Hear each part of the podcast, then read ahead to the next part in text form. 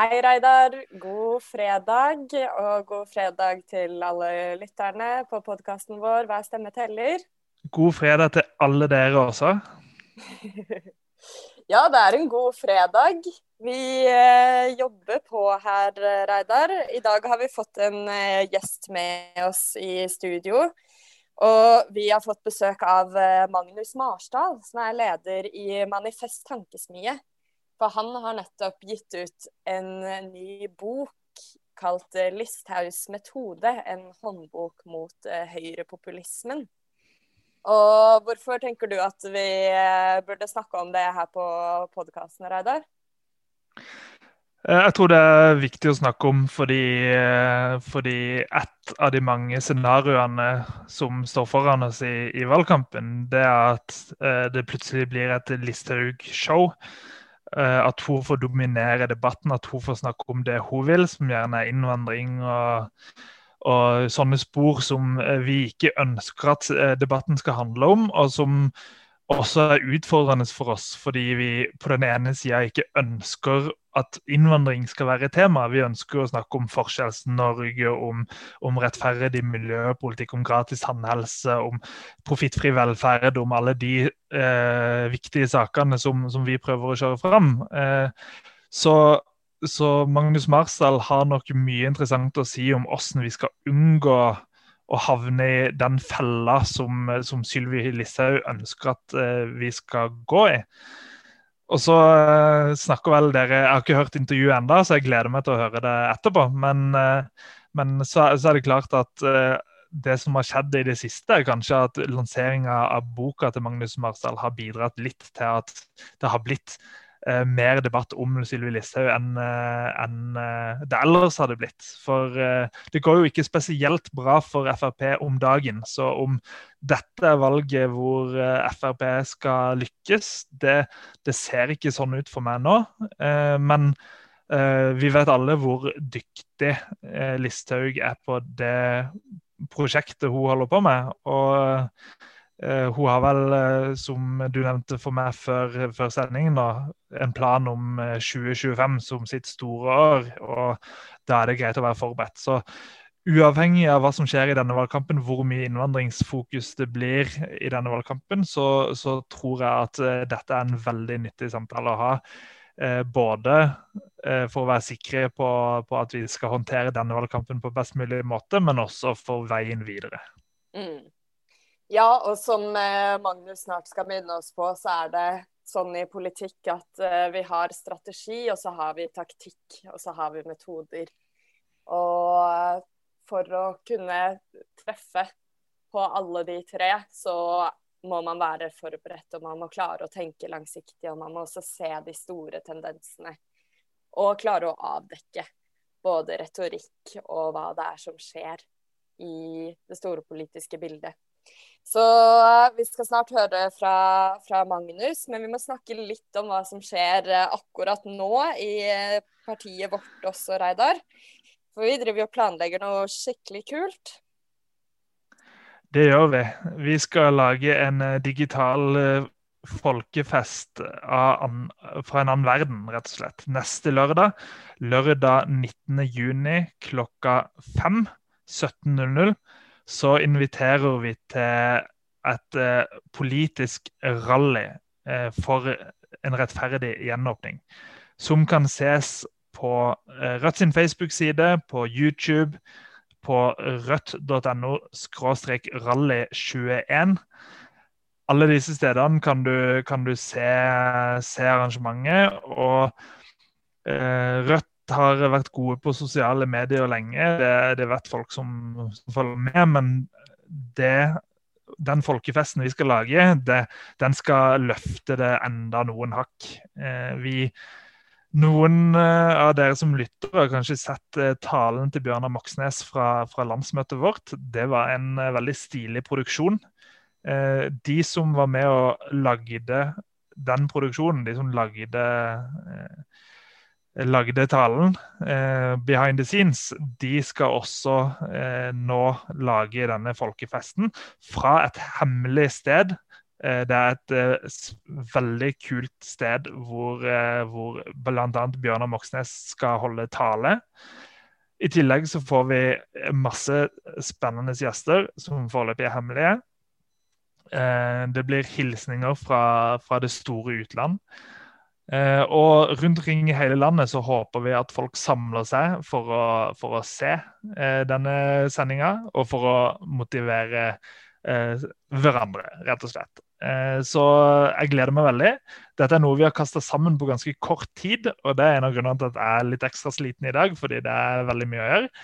Eh, men eh, forferdelig artig også, for dette kommer det rett og slett til å bli schwung over. Ja, det blir skikkelig kult. Så jeg anbefaler alle å holde datoen, holde tidspunktet, invitere noen venner hjem og pop popkornet klart.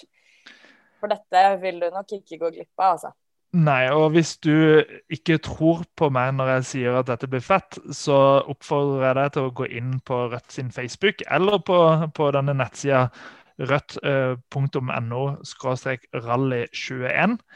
Og på den nettsida så kan du eller på Facebooken så kan du se en promovideo som, eh, som gir et hint av hva dette arrangementet kommer til å være. Så Eh, sett av tida neste lørdag klokka fem.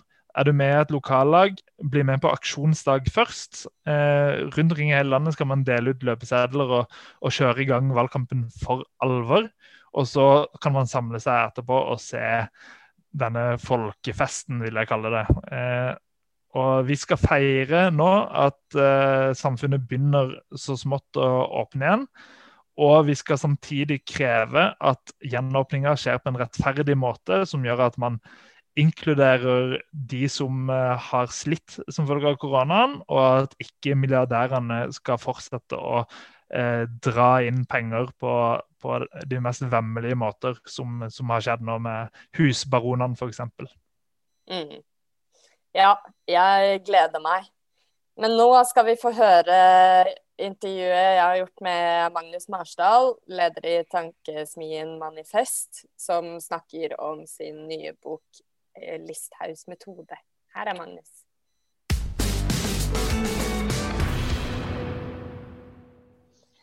Hei, Magnus Marsdal. Gratulerer med ny bok som heter 'Listhaus metode'. Tusen takk for det. Hyggelig å få være med her hos deg. Ja, det er veldig stas at du kunne være med her også. Og dette er jo ikke første gang du skriver en bok om eh, Frp eller eh, noen av FrPs politikere.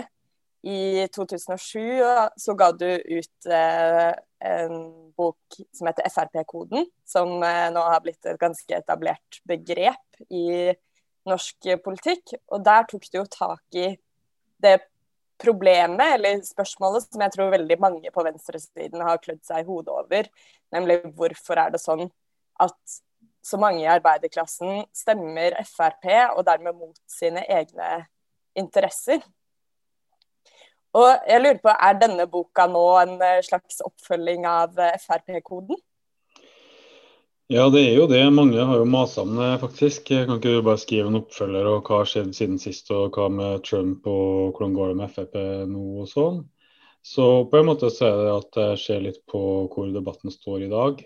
Og også på en del eh, lesing av Frp-koden som jeg mener har kommet eh, på helt feil kurs. da. Der man eh, begynner å kanskje springe etter den typen velgere vi snakker om nå. og så Eh, min privat sektor, arbeiderklasse, som kan stemme Frp, og som ofte er veldig innvandringskritisk.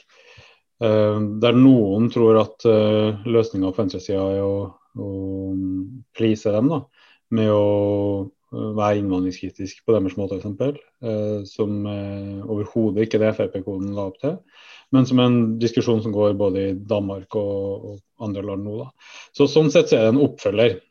På den andre sida så er det ikke det, fordi det her er en ganske kort pamflett. Den er skrevet på Det tok vel fem uker etter at uh, Siv Jensen gikk av, sa hun skulle gå av og at uh, Listhaug skulle ta over. Så bare satte jeg meg ned og skrev det som jeg hadde på hjertet. Mens Frp-koden brukte jeg jo fem år på og var litt annen type um, verk. da, en Grundig studium. Jeg dro ut og møtte velgerne på Kløfta i Torre Vieja rundt omkring. og og et liksom omfattende prosjekt. Det her er en mye mer fort skrevet pamflett, men den tar jo for seg her og nå, med Sylvi Listhaug som leder for et Frp som skal være en opposisjonell, ytterliggående kraft under det som vi kan anta blir en ny rød-grønn regjering.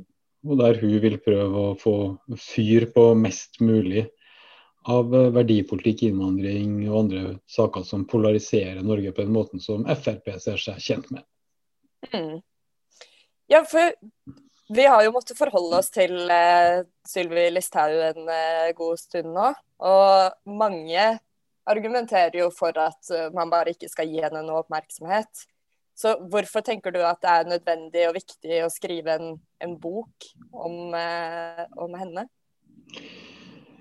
Boka handler jo om høyrepopulismen og hvordan venstresida, fagbevegelsen, de rød-grønne sida håndterer denne eh, splittende ofte fremmedfiendtlige krafta, ikke bare i Norge, men med Sverigedemokraterna, Dansk Folkeparti, Donald Trump og gjengen, Salvini Italia. Det er et globalt og i hvert fall vestlig problem da, for venstresida håndtere. Men Listhaug er jo frontfiguren for det i Norge framover. Og um, jeg har sjøl tenkt mye på det med å ikke gi oppmerksomhet. Da hun første gang ble statsråd, det er kanskje sju år siden, så gikk jeg og tenkt på Manifestkonsernet, som vi kaller det, at vi må lage bok om hun der. Hun er ganske spesiell, hun kan være farlig, hun må vi se nærmere på. Men så tenkte jeg nei, vi har så mye å gjøre, og ikke gi oppmerksomhet. Bare ikke gjør Det går kanskje over. Ikke snakk om hun der, ikke haussa opp. Uh, nå har hun blitt valgt til leder i Fremskrittspartiet og um, har vært en av de mest markante skikkelsene i norsk politikk i flere år. Uh, så jeg tror dessverre at det toget har gått. Uh, hvis vi nå sitter og tenker at hvis bare Manifest og Rødt og SV tida i hjel, så blir vi kvitt problemet, da tror jeg vi kanskje overvurderer vår egen makt. Så nå tror jeg det er bare å ta tyren ved hornene og spørre hva er Listhaugs metode, og hvordan kan vi utvikle en uh, felles diskusjon om vår strategi og taktikk mot den såkalte høyrepopulismen. Jeg kaller det såkalt fordi de er jo ikke så populære. Nei, men det er jo noe med Listhaug som har en veldig sterk appell. Og det er lett å lure på hva er det for noe? Hva er det som gjør at, hun, eh, at vi ikke klarer å riste henne av? Et mistillitsforslag er liksom ikke nok til å få henne ut. Altså Hun blir valgt som leder, og det virker jo som at hun blir av sine tilhengere, så blir hun jo dyrka som en slags eh, Jeg tror det er du som skrev det, at hun blir kalt for den nye landsmoderen. og virkelig en sånn frelsestemning, nesten. Det er helt riktig. Um, det handler ikke bare om Listhaug, fordi det er et vanlig fenomen um, på den delen av høyresida. Vi trenger ikke å gå tilbake til Mussolini og den typen uh, ledere på den radikale høyresida i forrige århundre, men også den moderne varianten så har du en type som Donald Trump. Um, eller Salvini, som leder et parti i Italia. Vi hadde Jörg Haider i eh, Østerrike. Og flere andre. Der særlig den harde kjernen av tilhengerne, de aller ivrigste Trump-fansen og listhaugianerne, eh, får et forhold til lederen som blir sånn at eh, støtten til partiets politikk glir over i en dyrking av lederens person. Og det er en egen type lederskap vi kaller karismatisk lederskap. Um, karismatisk lederskap i vår tid handler om at lederens kraft uh, stråler ut av uh, tilhengernes forestillinger om helt unike egenskaper hos den lederen. En helt unik innsikt i det norske folkets egentlige følelser og ønsker som de kanskje ikke tør å gi uttrykk for, f.eks. Trump som et bilde på opprøret mot eliten som skalte og valte med vanlige mennesker inne i Washington DC da. Og det her er jo konservativt i noe autoritært på den måten at man ikke drømmer om en demokratisk forandring der vanlige folk, kvinnebevegelsen, miljøbevegelsen, fagbevegelsen går sammen om å forandre samfunnet nedenfra, men tvert imot drømmer om at en sterk leder, en modig leder, kanskje en ekstra rå, hensynsløs og leder nærmest en hellig kriger, skal på vegne av dem som har blitt uh, krenka, dem som har blitt uh, etterlatt, dem som ikke blir hørt, dem som ikke er fin nok, uh, smart nok for den politiske eliten, dem som har fått synkende levestandard osv., dem som har et klagemål. At den sterke lederen på deres vegne skal gå inn og rydde opp, kaste ut det korrupte Arbeiderpartiet, rydde opp i den mislykka innvandringspolitikken osv. Så, videre, så, så det finnes et rom for den sterke leder på den typen høyreside. Og den kan bare fylles av folk med en bestemt type legning. De må være veldig um, på en måte fanatisk. De må ikke være kompromissorientert. De må gå inn i, de må ha et oppdrag, et, en frelsers oppdrag, sånn som du var inne på. At de skal frelse det norske folk fra en svikefull elite som slippe inn alt mulig rart i landet. Kanskje bare for å få flere velgere sjøl, eller et eller annet. Mm. Og den frelseren må da ikke være vankelmodig, som det het i gamle dager. Altså Hun må være helt ubestikkelig, nådeløs mot, dem, mot fienden og mot alle som ikke støtta mot fienden. Og det er en, det vi kaller en Jeanne d'Arc. Jeanne d'Arc ble jo en slags helgen. Hun var egentlig bondedatter som ble folkehelt i Frankrike for sin modige kamp mot inntrengerne. Og mente seg Jeanne d'Arc mente jo at hun var leda av et guddommelig forsyn, altså det var Gud som styrte handlingene hennes. da. Så det har ofte med en sånn skjebnetro å gjøre. Mange tror jo at Trump er Messias også. Mm. Og jeg tenker at Greta Thunberg også er en Jeanne d'Arc. Greta Thunberg er like liksom eh, rå, da. Hun er like helt sånn nådeløs. Hun bare sier eh, dere har ingen skam. Hun, hun, bare tar ingen uh, fanger, liksom. Hun bare kjører på. Og Listhaug er det her for norsk høyreside nå. Hun snakker om kampen mot det onde og det gode.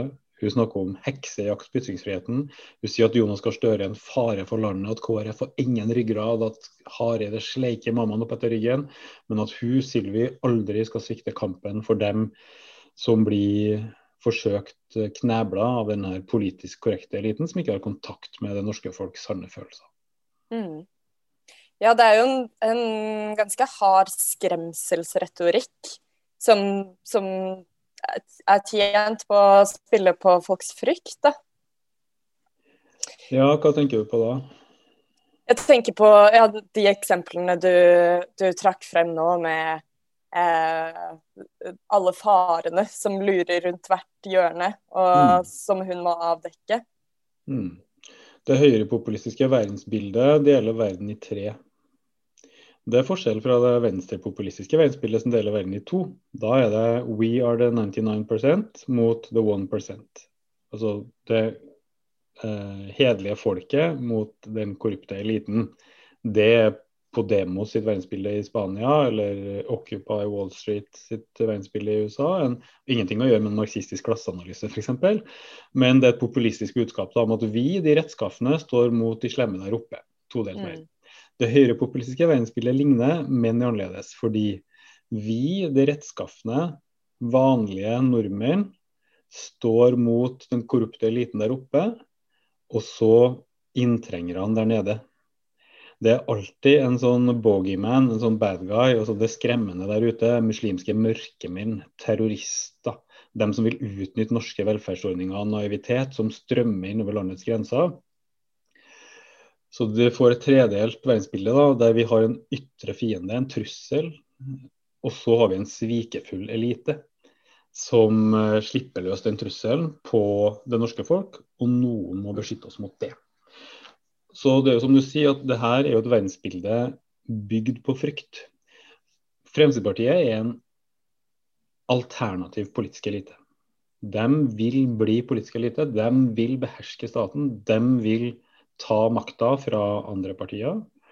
Men de skal gjøre det gjennom å framstille seg selv som, opp, som uh, folkets ridder og verge mot landssvikerne på toppen. Ikke sant? Og du har en, mm. en elite som har gått råte på. Det her er det Donald Trump sier. Han skal drain the swamp i Washington DC. Han skal få ut den korrupte eliten som ødelegger for vanlige folk, og som slipper løs de kriminelle latinoene osv. Så, videre. så jo sterkere frykt du klarer å lage, jo mer trusselen fra terrorister, islamister osv. preger velgerne sin, jo mer grunn har de velgerne til å slutte opp om den alternative politiske eliten. Og ønske å kaste Jonas Gahr Støre en fare for landet, et KrF uten ryggrad osv. Man får så lyst på den sterke lederen som kanskje er den eneste som kan frelse oss i denne situasjonen.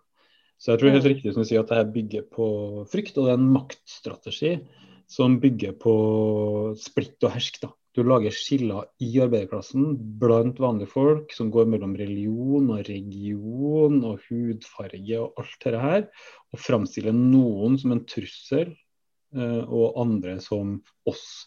Vi som spiser svinekjøtt, drikker alkohol, eh, snyter på skatten og alt det her, mot de andre der. Og de andre kan være utlendinger, men det kan også være veganerne i MDG. Det er mm. også en mulig, en mulig gruppe å hate på. Jeg tenker at det er en ganske uh, lur uh, analyse å ha med seg videre, den, den, todelingen og tredelingen, for å forstå forskjellen på venstrepopulisme og høyrepopulisme.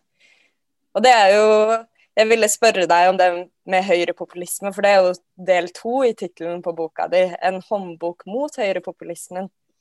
Og for å kunne eh, kjempe mot, mot de tendensene, så må man jo også forstå hva det innebærer. Men jeg vil spørre deg om den første delen av tittelen, som er Listhaugs metode.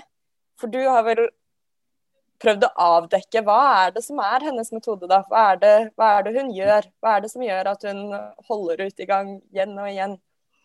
Ja, Listhaugs metode er et retorisk sånn uh, kampsportmønster da, i tre akter i fast rekkefølge. De kaller det for frekk apekatt, uskyldig dådyr, rasende løve. Den frekke apekatten sier noe provoserende. Den angriper en minoritet. Den sier f.eks. Eh, det tar seg ikke ut med Oslo Pride, der halv- og helnakne homoer overtar gatene, og mange liker ikke det. Og Da håper den frekke apekatten at alle skal kaste seg på og si Sylvi Listhaug, du er homohater og dra tilbake til Sunnmøre der du kommer fra. Og da kommer det uskyldige dådyret fram og sier nei, det var ikke sånn jeg mente. Det var aldri mine tanker. Jeg har mange homofile venner. Min ambisjon var bare å gi noen velmente råd om at homoværelsen kan fremme sin sak på en bedre måte enn det her folkene som springer til gatene på den måten de gjør. Men og det her er det uskyldige dådyret. Og det er en offerpositur. Ikke en offerposisjon, en offerpositur. Der du poserer som uskyldig offer for de andre som stempler meg som liksom går løs på stakkars lille meg, da, et lite dådyr som bare prøvde å hjelpe noen homofile venner her.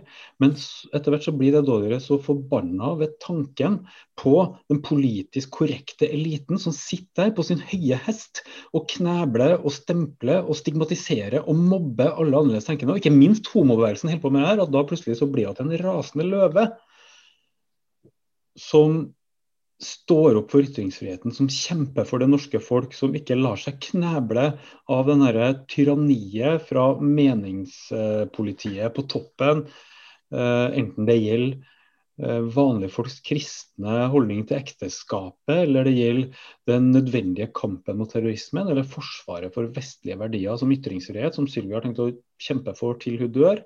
Og det er den rasende løven som egentlig er øvelsens mål. Det er en aggressiv, eh, høyreradikal konspirasjonsteori om den svikefulle eliten, om det stakkars norske folk som nå da igjen skal innpodes med frykt ikke sant, for alt det her.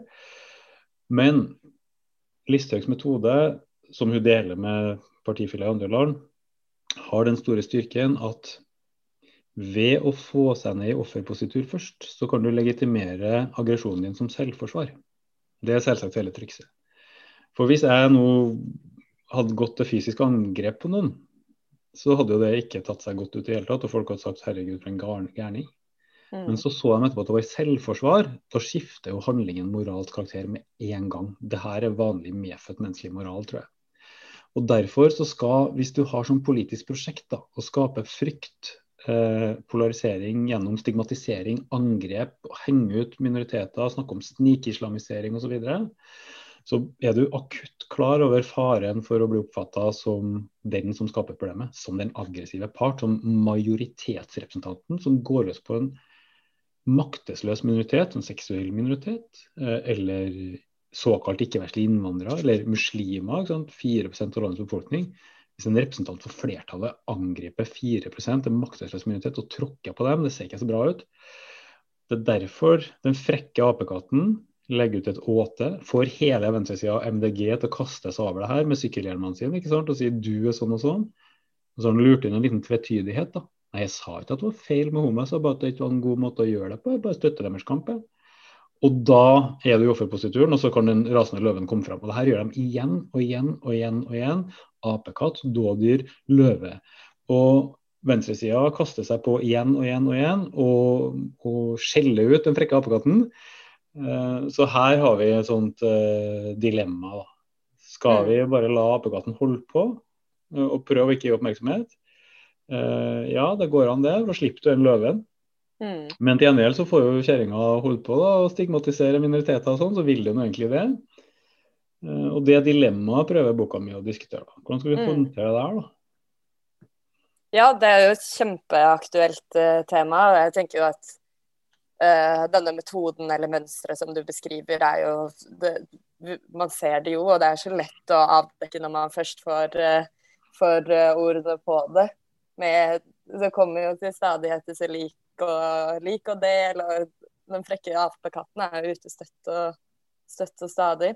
Ja, kan jeg bare få gi et eksempel? Altså, om dagen så var jo Sylvi mm. Listhaug så betutta på Facebook over at uh, NRK hadde feira muslimenes uh, ramadanavslutning i sant? og laga en sånn sending om det, som er så helt genialt at NRK gjør. For at det vil bidra til å motvirke fordommer og vise at vi liksom er ett lag her. da.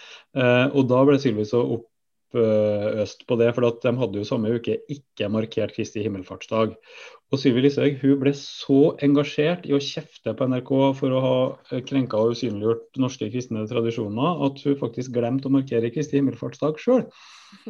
Så var ikke at hun hadde lagt ut noe om det, liksom. Men hun var så opptatt av den tradisjonen at hun gikk bananas da, på at NRK hadde sagt noe om id. da. Uh, som om folk bruker å si 'gratulerer' med Kristi himmelfartsdag, på samme måte som vi sier gratulerer god jul, da, som da tilsvarer kanskje litt mer id. Uh, og det her var jo en sånn frekk apekatt. Altså, hun, hun, ønsker, hun, sier jo liksom vi må slutte å undertrekke norsk kultur. Og så håper den frekke apekatten at alle skal kaste seg på og nærmest kalle dama nazist, ikke sant? Fordi da er det løvetid. Mm.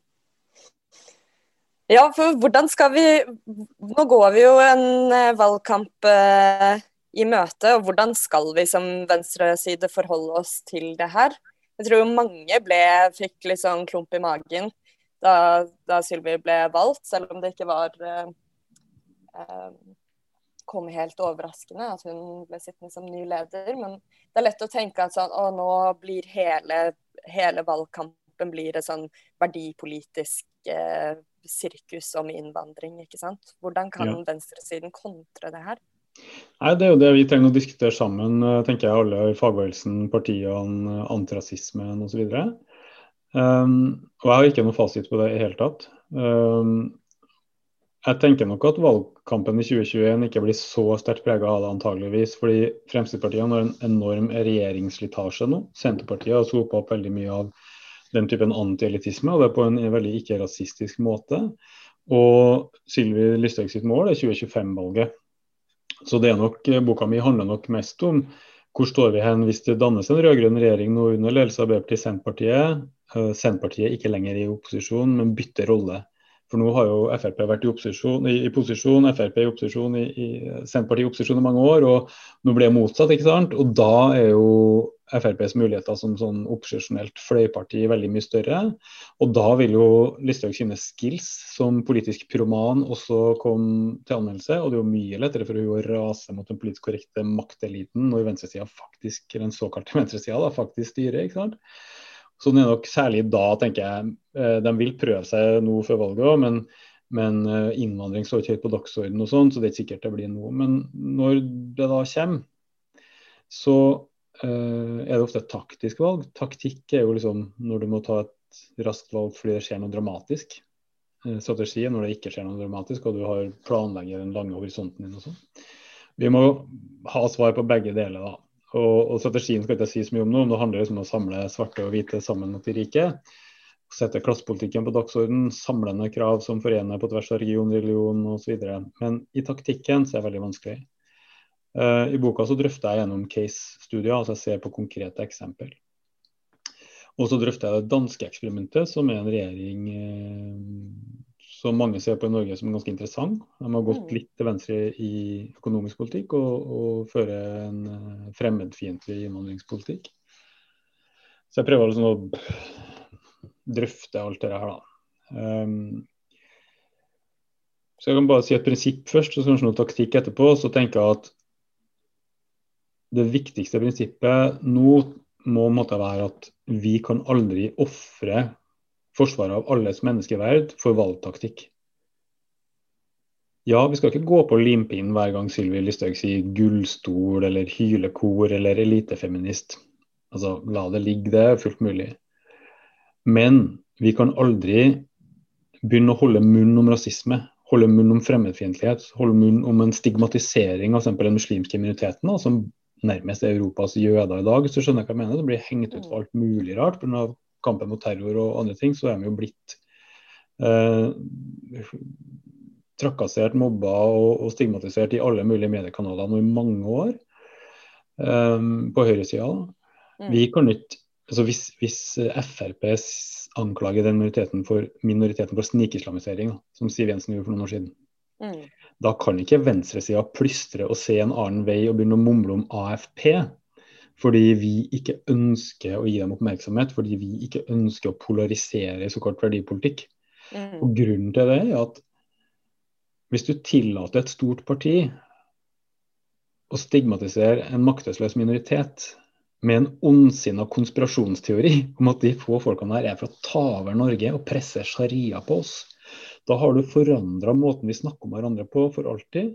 Du har akseptert en dagsorden for hva som er viktig i norsk politikk, nemlig kampen mot fremmedstyret av den religionen, ikke sant?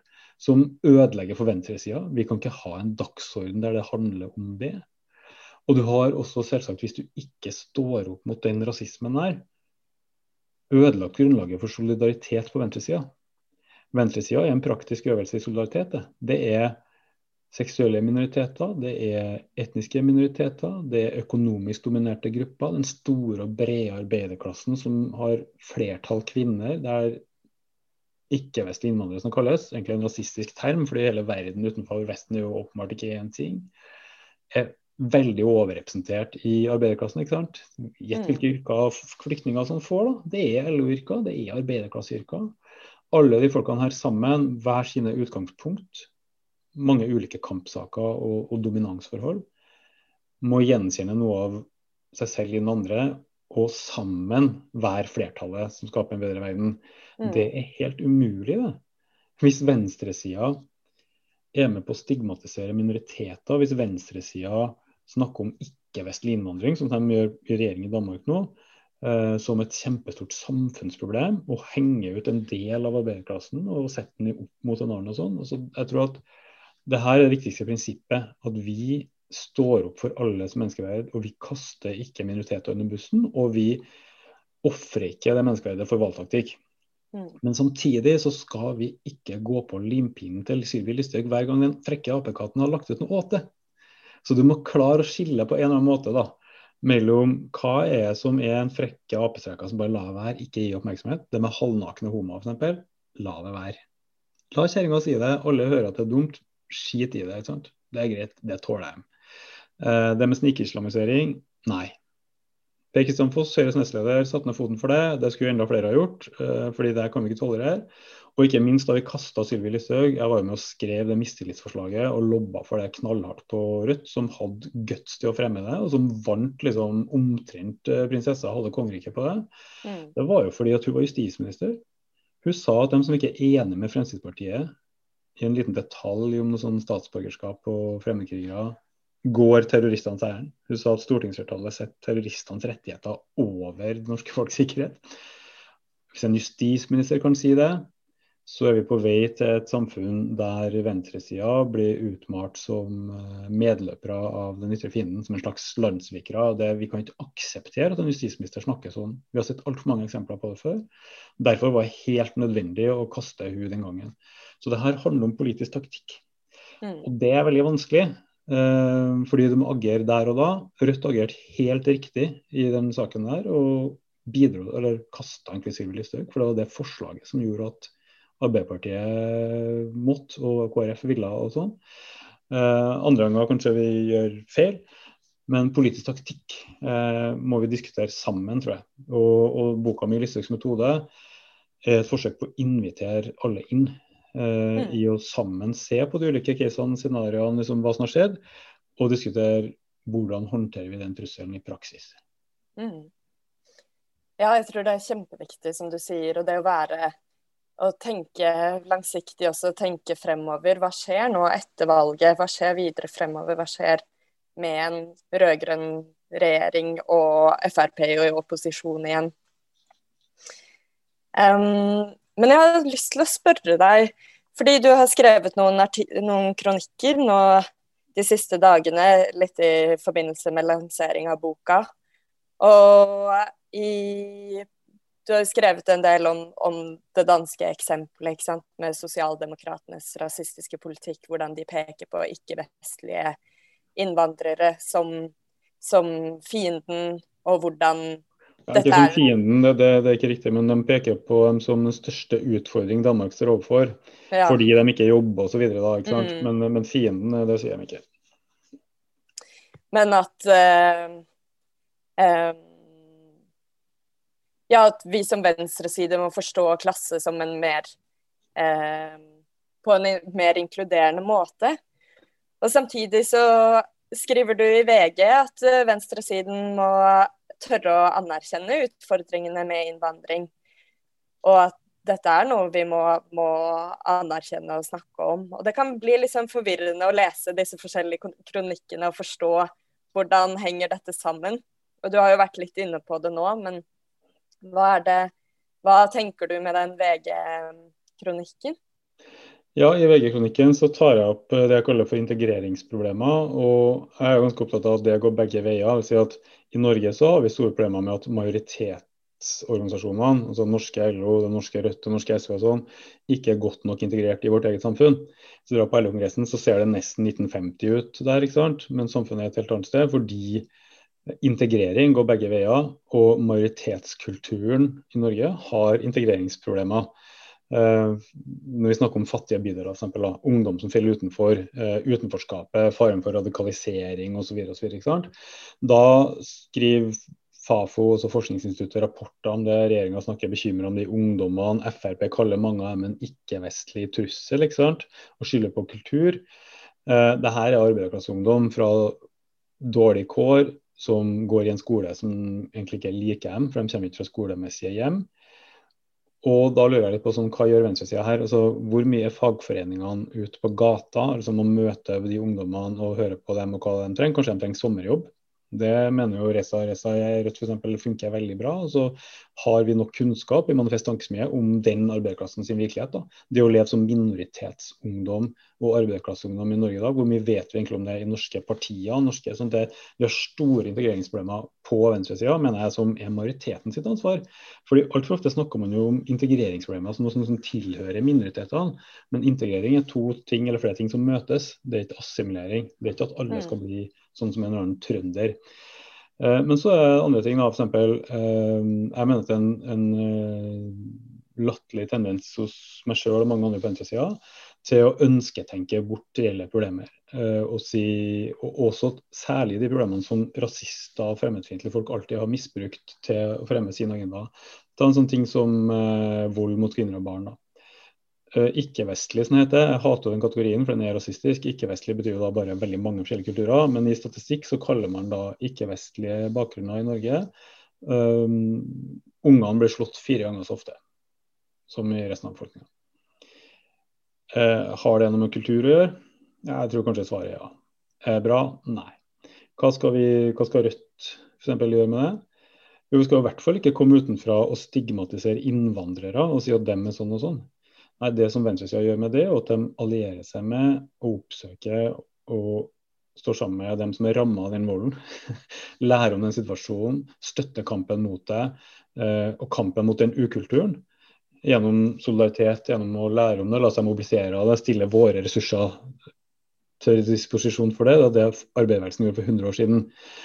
Det vi ikke gjør med det, er å stikke hodet i sanda og si nei, vi vil ikke snakke om det fordi eh, rasister kan misbruke det. Integrere, Så Skolene i Oslo er jo veldig segregert ofte. Du kan jo grunnskoler der over 90% av elevene er minoritetsspråklige. Det er ikke god integrering. Det er dumt at uh, de hvite flykter fra de skolene. Det er dumt at du får oppsamling av veldig fattige folk osv. Det er sosial segregering. Det skyldes ikke islam, vet du. Det er ikke, det er ikke sharia det er sosial segregering.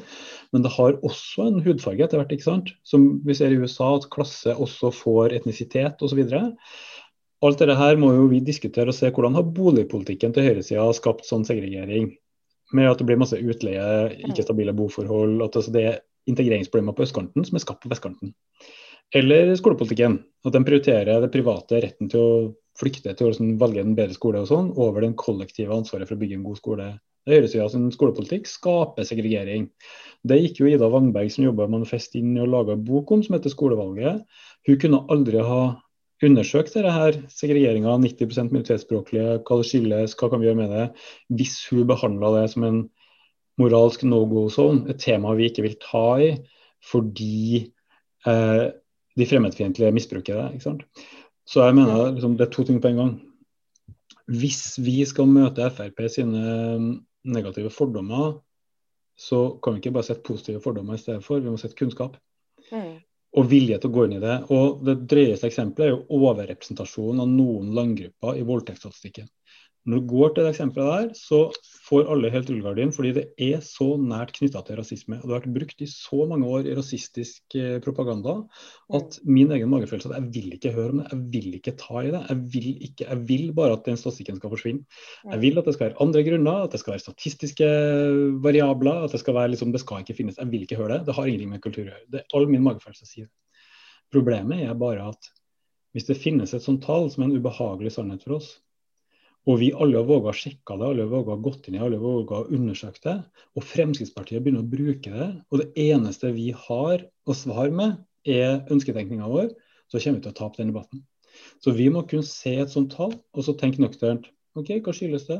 Hvor mye er statistisk sånn og sånn? Hvor mye skyldes eh, krig, traumer? Hvor mye er underrapportering osv.? Så, så må vi undersøke det. Er det noe her som er kultur, kvinnesyn, sånne ting. Ja vel, vi vil gjerne, gjerne lære om det. Samme som det med vold mot barn. Men vi gjør ikke sånn som rasistene, at vi sier på forhånd at vi vet årsaken. Det skyldes deres kultur, sier rasistene. Men vi kan nesten ikke gjøre det motsatte heller. Vi kan ikke si vi vet at ingenting her har noe med kultur å gjøre, når vi ikke har sjekka. Og Jeg vet at det er supervanskelig emosjonelt, og jeg vet at jeg blir dødsupopulær for å ta i det.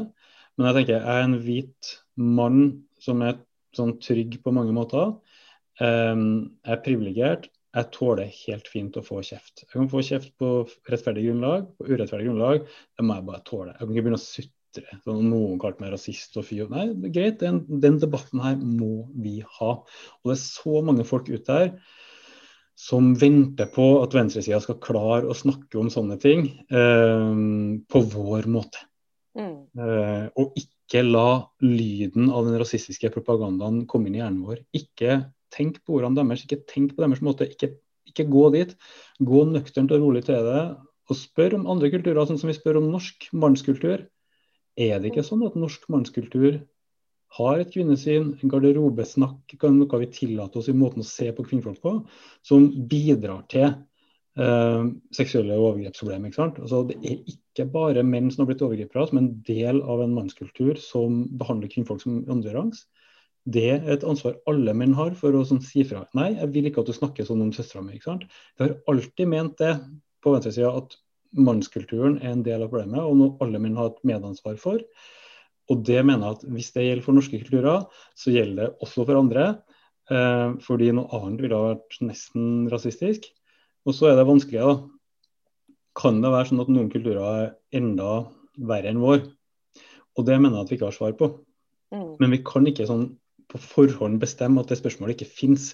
For hvis det ikke var mulig å forbedre en kjønnskultur, en sånn likestillingskultur, en mannskultur, at hvis det ikke var mulig å kjempe mot kvinneundertrykkende tradisjoner, praksiser øh, og seksualisert vold, ja, hvorfor gjør vi det da? Og når Norge har kommet lenger enn andre land, så er det helt legitimt å spørre ja, er det noen trekk ved norsk kultur som fungerer bedre. Men vi må kunne diskutere det på vår måte, våre begreper, vårt feministiske, antirasistiske utgangspunkt. Og ikke la liksom, den rasistiske propagandaen styre vårt eget blikk når vi snakker om sånne ubehagelige og vanskelige ting, som uansett hva vi tenker om dem, er her og, og, og må undersøkes. da. Mm. Um, så jeg sier ikke liksom, at uh, høyresida har hatt rett i integreringsdebatten. Overhodet ikke. Men jeg sier at de har rett i at av og til så har mange av oss på venstresida en berøringsangst, for vi syns det er jævlig ubehagelig. Mm. Så det er rett og slett en invitasjon inn til å starte den samtalen. Jeg tenker at det er veldig fornuftig at det er lett å komme på, på offensiven og kun svare til utrop fra høyresiden med å bli provosert. Og så har vi ikke starta den samtalen på et kunnskapsgrunnlag selv. Ja, da tenker jeg også som majoritetsrepresentant da, at det er ganske viktig at vi som tilhører majoriteten er tydelige på hele tida at vi mener at integreringsutfordringene i Norge er vel så mye av vårt ansvar som det er minoritetene. Fordi jeg tror Hvis jeg hadde vært minoritet, jeg hadde vært så forbanna på hele tida å bli liksom fortalt at jeg er problemet. Med å bli utsatt for rasisme fra politiet, i arbeidsmarkedet, boligmarkedet, hvor faen som helst. Og så går jeg liksom og er snill og lydig og grei. Og så når folk da klager på at det er dårlig integrering, så kjenner man skylder på meg. liksom, som bare er sånn, og, og, og den norske majoritetsrasismen er jo så hjemmekoselig at en får ikke øye på seg sjøl engang. Mm. Og altså, Jeg skjønner også at folk er lynforbanna, og at de liksom også rullegardina går ned når, når vi helt tatt tar i de integreringsproblemene. Så det tror jeg er ganske viktig at vi som tilhører majoriteten, er tydelige på at integreringsproblem det kan du likså godt ha på vår side. Men at integrering av ulike tilnærminger ikke alltid er enkel, det må du liksom bare akseptere. Uh, mm. og, og, jobbe med. Bare se på minoritetsrepresentasjonen i LO. Se på hvor mange liksom, folk fra muslimsk bakgrunn er det i ledende posisjoner i LO. Det er dårlig. ikke sant? Hvem har hovedansvaret for det? Jo, det er majoritetsfolket. Uh, andre ting, det med vold mot kvinner osv., ja, da er det oppgjør som skal tas også i minoritetskulturene. Ja. men da er det jo ikke vår rolle å liksom lære dem det. Det er vår rolle å støtte dem som kjemper for frigjøring. Mm. Det er det. Og den norske selvgodheten, jeg skjønner godt altså folk får helt mark av det. Norge er liksom så god på likestilling og så god på likhet. og bare tørk meg i, altså det, det, er jo Jeg tror alle nasjoner er sånn, at de er liksom selvgode, men, men den norske er ikke noe mindre i hvert fall. Så jeg skjønner, altså jeg har all mulig respekt for folk som bare sånn, å, hater på det der, og at de blir ganske lei seg og redde også hvis de ser at venstresida begynner å springe etter høyresida. Å nei, nå må vi innrømme at det er innvandrerne er et problem. altså det sånn er det ikke. og Hvis du leser boka mi, så er det overhodet ikke det som står der eh, heller. Eh, men det hjelper ikke å ønsketenke bort de problemene som er, f.eks. med at når 90% av grunnskoler, noen grunnskoler i Oslo er minoritetsspråklige, så er ikke det et eksempel på en type god integrering som vi ønsker oss. og Da må vi se på årsakene og hva vi kan gjøre. Mm.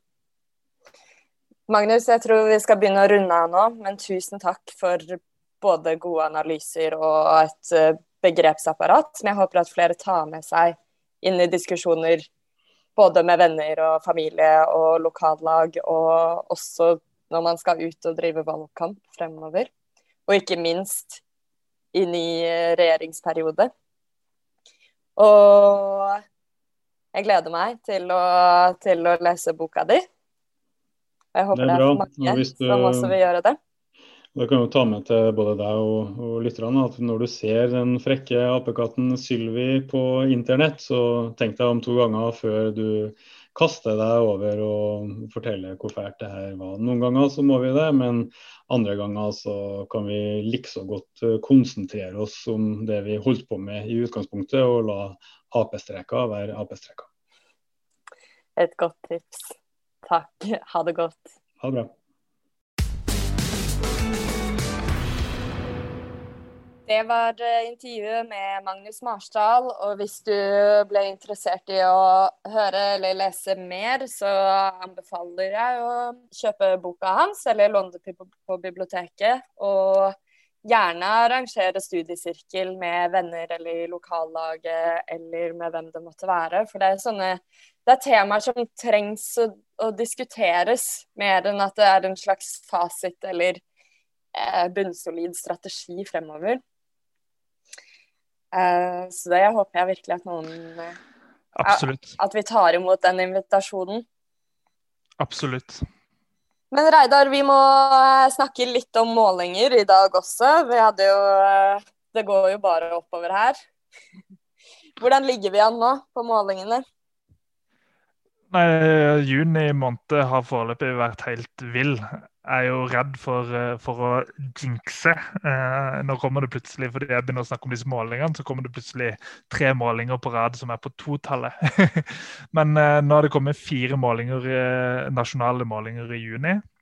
Eh, og snittet til Rødt er foreløpig 5,7 Eh, Så det er rett og slett ellevilt, og det er langt over det vi har ligget tidligere. Får vi 5,7% så betyr det at eh, vi eh, får ti eh, stortingsrepresentanter inn. Så lenge størrelsesforholdet er likt med de andre partiene som, som det er på, på snittet. Så det vil jo være en, en liten politisk revolusjon i Norge, for å si det på, på den måten. Eh, Så har det kommet, Siden sist vi snakka sammen, så har det også kommet en ny måling fra Buskerud. Eh, Mhm. Som eh, også var bunnsolid, den beste målinga noen gang fra Buskerud, på 3,8% Og det er ikke et av de stedene hvor vi har gjort det best tidlig, eh, tidligere. I 2017 så fikk vi f.eks. 1,5 ved stortingsvalget. Så, så det er jo eh, godt over en dobling i, i Buskerud. Og holder vi 3,8 der, så jeg, kan, kan jeg vedde ganske så mye på at eh, vi kommer over sperregrensa nasjonalt. Så det tyder på at eh, Linn Elise, som har vært på besøk her tidligere, førstekandidat, og, og resten av gjengen i Buskerud gjør en eh, strålende innsats. Jeg ser at de er gode på sosiale medier og eh, gode til å få inn leserinnlegg. Så det, eh, det er det bare å fortsette med, så, så kan de virkelig, virkelig eh, få et eh, resultat å være fornøyd med i, i september. Så eh, nyheten er egentlig at det bare går eh, veldig bra foreløpig. Så får vi håpe at eh, det fortsetter til uka, for da tror jeg at det kommer veldig mange nye målinger. Jeg har hørt rykter om at eh, VG kommer med mange lokale målinger. Eh, Det samme med NRK, som skal komme med en ny supermåling. Mm. Eh, Så vi har mye å se fram til, vi som er glad i tall. Og så gjør det også at jeg blir veldig nervøs, da. Så det er litt slitsomt, eh, slitsomt for nattesøvnen. Ja, men foreløpig så, så lover det jo ganske greit, da. Jeg tror det skal mye til å, å få en skikkelig dukk nå. Ja, og det går jo veldig bra for oss for tida. Vi, vi har fått mye eh, medieoppslag. Vi har eh, Sist i går for eksempel, så hadde vi et fantastisk angrep på, på Sylvi Listhaug. Som, apropos Sylvi Listhaug, eh, som, eh, som handler om at eh, Sylvi har lovt eh, at eh, sykepleierne skal få et lønnsløft. Eh, Men stemte mot det i, i revidert eh, nasjonalbudsjett. eh, Mm. Gikk sammen med regjeringa. Og Bjørnar Moxnes hamra løs på, på Sylvi i, i VG på fantastisk man- maner. Og vet du hva svaret hennes var? Nei. Svaret til Sylvi Listhaug det var at det kun er i kommunistiske land at det er politikerne som bestemmer lønn. Og da lurer jeg på Da lurer jeg på Hvem er det som bestemmer stortingslønna? Hvem er det som bestemmer at Sylvi Listhaug skal få lønnsøkning hvert jævla år? Sylvi Listhaug og andre stortingspolitikere. Ja. Så hun bestemmer sin egen lønn, så hun er tydeligvis en kommunist. Ja. Det sånn, sånn har det blitt. ja, og apropos sånne mm, kommunister i skapet, holdt jeg på å si. Det har jo kommet en litt morsom beskjed i dag, da, med Jonas Gahr Støre, som har vært ute og tatt eh, NRK sin eh, valgomat. Det er jo farlig å, å ta valgomat med pressa på slep, fordi da kan du ikke skjule, skjule fasiten. Og når han tok eh, NRKs valgomat, så fikk han sitt eget parti på førsteplass. Det var jo godt for han, Eh, men kanskje litt overraskende. Andreplass, Det var rødt. det var Rødt. Rett og slett. Hvem skulle tro? Ja, hvem skulle jeg tro? Så det blir jo veldig spennende til høsten. Det har jo vært eh, Gjennom flere år nå så har det jo vært ganske tydelige signaler fra både Arbeiderpartiet og fra Senterpartiet om at de ikke har vært så interessert i å, å samarbeide med oss. Og I hvert fall ikke sitte i regjering, men eh, nå får vi jo se om de går med på, på, å lage en samarbeidsavtale hvor vi kan få gjennom litt av politikken som, som kanskje Støre svarte riktig på i denne, i denne testen, i denne valgomaten til NRK. Så mm. det er jo et, et godt, godt tegn. Mm. Og det er gøy med valgomater, og det kommer jo til å dukke opp flere og flere nå fremover. Men det er jo viktig også å påpeke at de valgomatene er jo utrolig forenkla modeller mm. av hva politikken egentlig er. Og jeg tror de aller fleste Rødt-medlemmer vil jo kanskje ikke få 100% på Rødt. fordi argumentasjonen vår kommer jo ikke fram, ikke sant. Disse valgomatene lages jo som sånn påstand mot påstand. Og så mm. får, blir det ingen rom til å forklare men hvorfor vi mener det vi mener. Ikke sant? Så Det er jo et kjempeproblem. F.eks. Eh, i spørsmålet om arveavgift, eller det eh, Rødt kaller for dynastiskatt, så, så, har Rødt et litt nyansert bilde. Vi ønsker at uh, det skal være skatt på arv for de som har god råd, de som arver mye. Så skal det være et høyt bunnfradrag, så det er mange som skal slippe å betale. Og derfor havner ikke vi helt på ja til arveavgift. Mens andre partier som er mindre nyanserte, kanskje, partier som, som SV, som, eh, som, kanskje mener at alle burde få arveavgift nå, nå, nå, kan ikke SV sitt program så til eh, men, men, jeg så at SV havna på helt for arveavgift, mens Rødt ikke var helt for. Vi var bare litt for.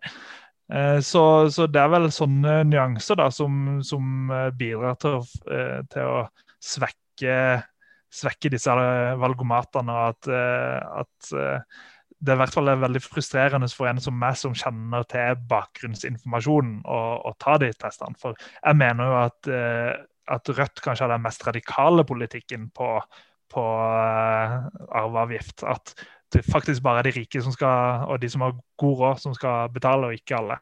Mm. Men det kommer ikke fram. Det ser nesten ut som vi er litt mildere, liksom. Men jeg tenker at valgomatene er et veldig godt hjelpemiddel å bruke i det vi kaller for kompisvalgkampen vår. Når vi skal ut og snakke med venner og bekjente og familiemedlemmer om politikk, så er jo det en litt sånn kul og enkel inngangsport å, å ta valgomaten sammen, og så kan man diskutere gjennom, gjennom svarene man har fått. Og det gir også et, sånn, et grunnlag for å snakke om Rødt sin politikk og hva vi egentlig mener. Så det anbefaler jeg veldig. altså. Jeg syns det er skikkelig synes det er gøy å gjøre med familien min, f.eks. Absolutt, det er et kjempeforslag. Så, og det er jo mange som, som, er usikre på hva de skal stemme på. Eh, rett og mm. slett. Som, eh, som kan bli litt geleida med å ta en sånn eh, valgomat. Og at det er en inngang til å rett og slett snakke litt politikk. Så, så kjempeforslag, det, Ingrid. Det, det bør mange gjøre. Mm. Ja, men Reidar, nå skal vi gå eh, inn i helga og eh, prøve å slappe av litt før det blir valgkamprally neste lørdag. Aksjonsdag og valgkamprally, så da er det bare å, å berette opp ermene.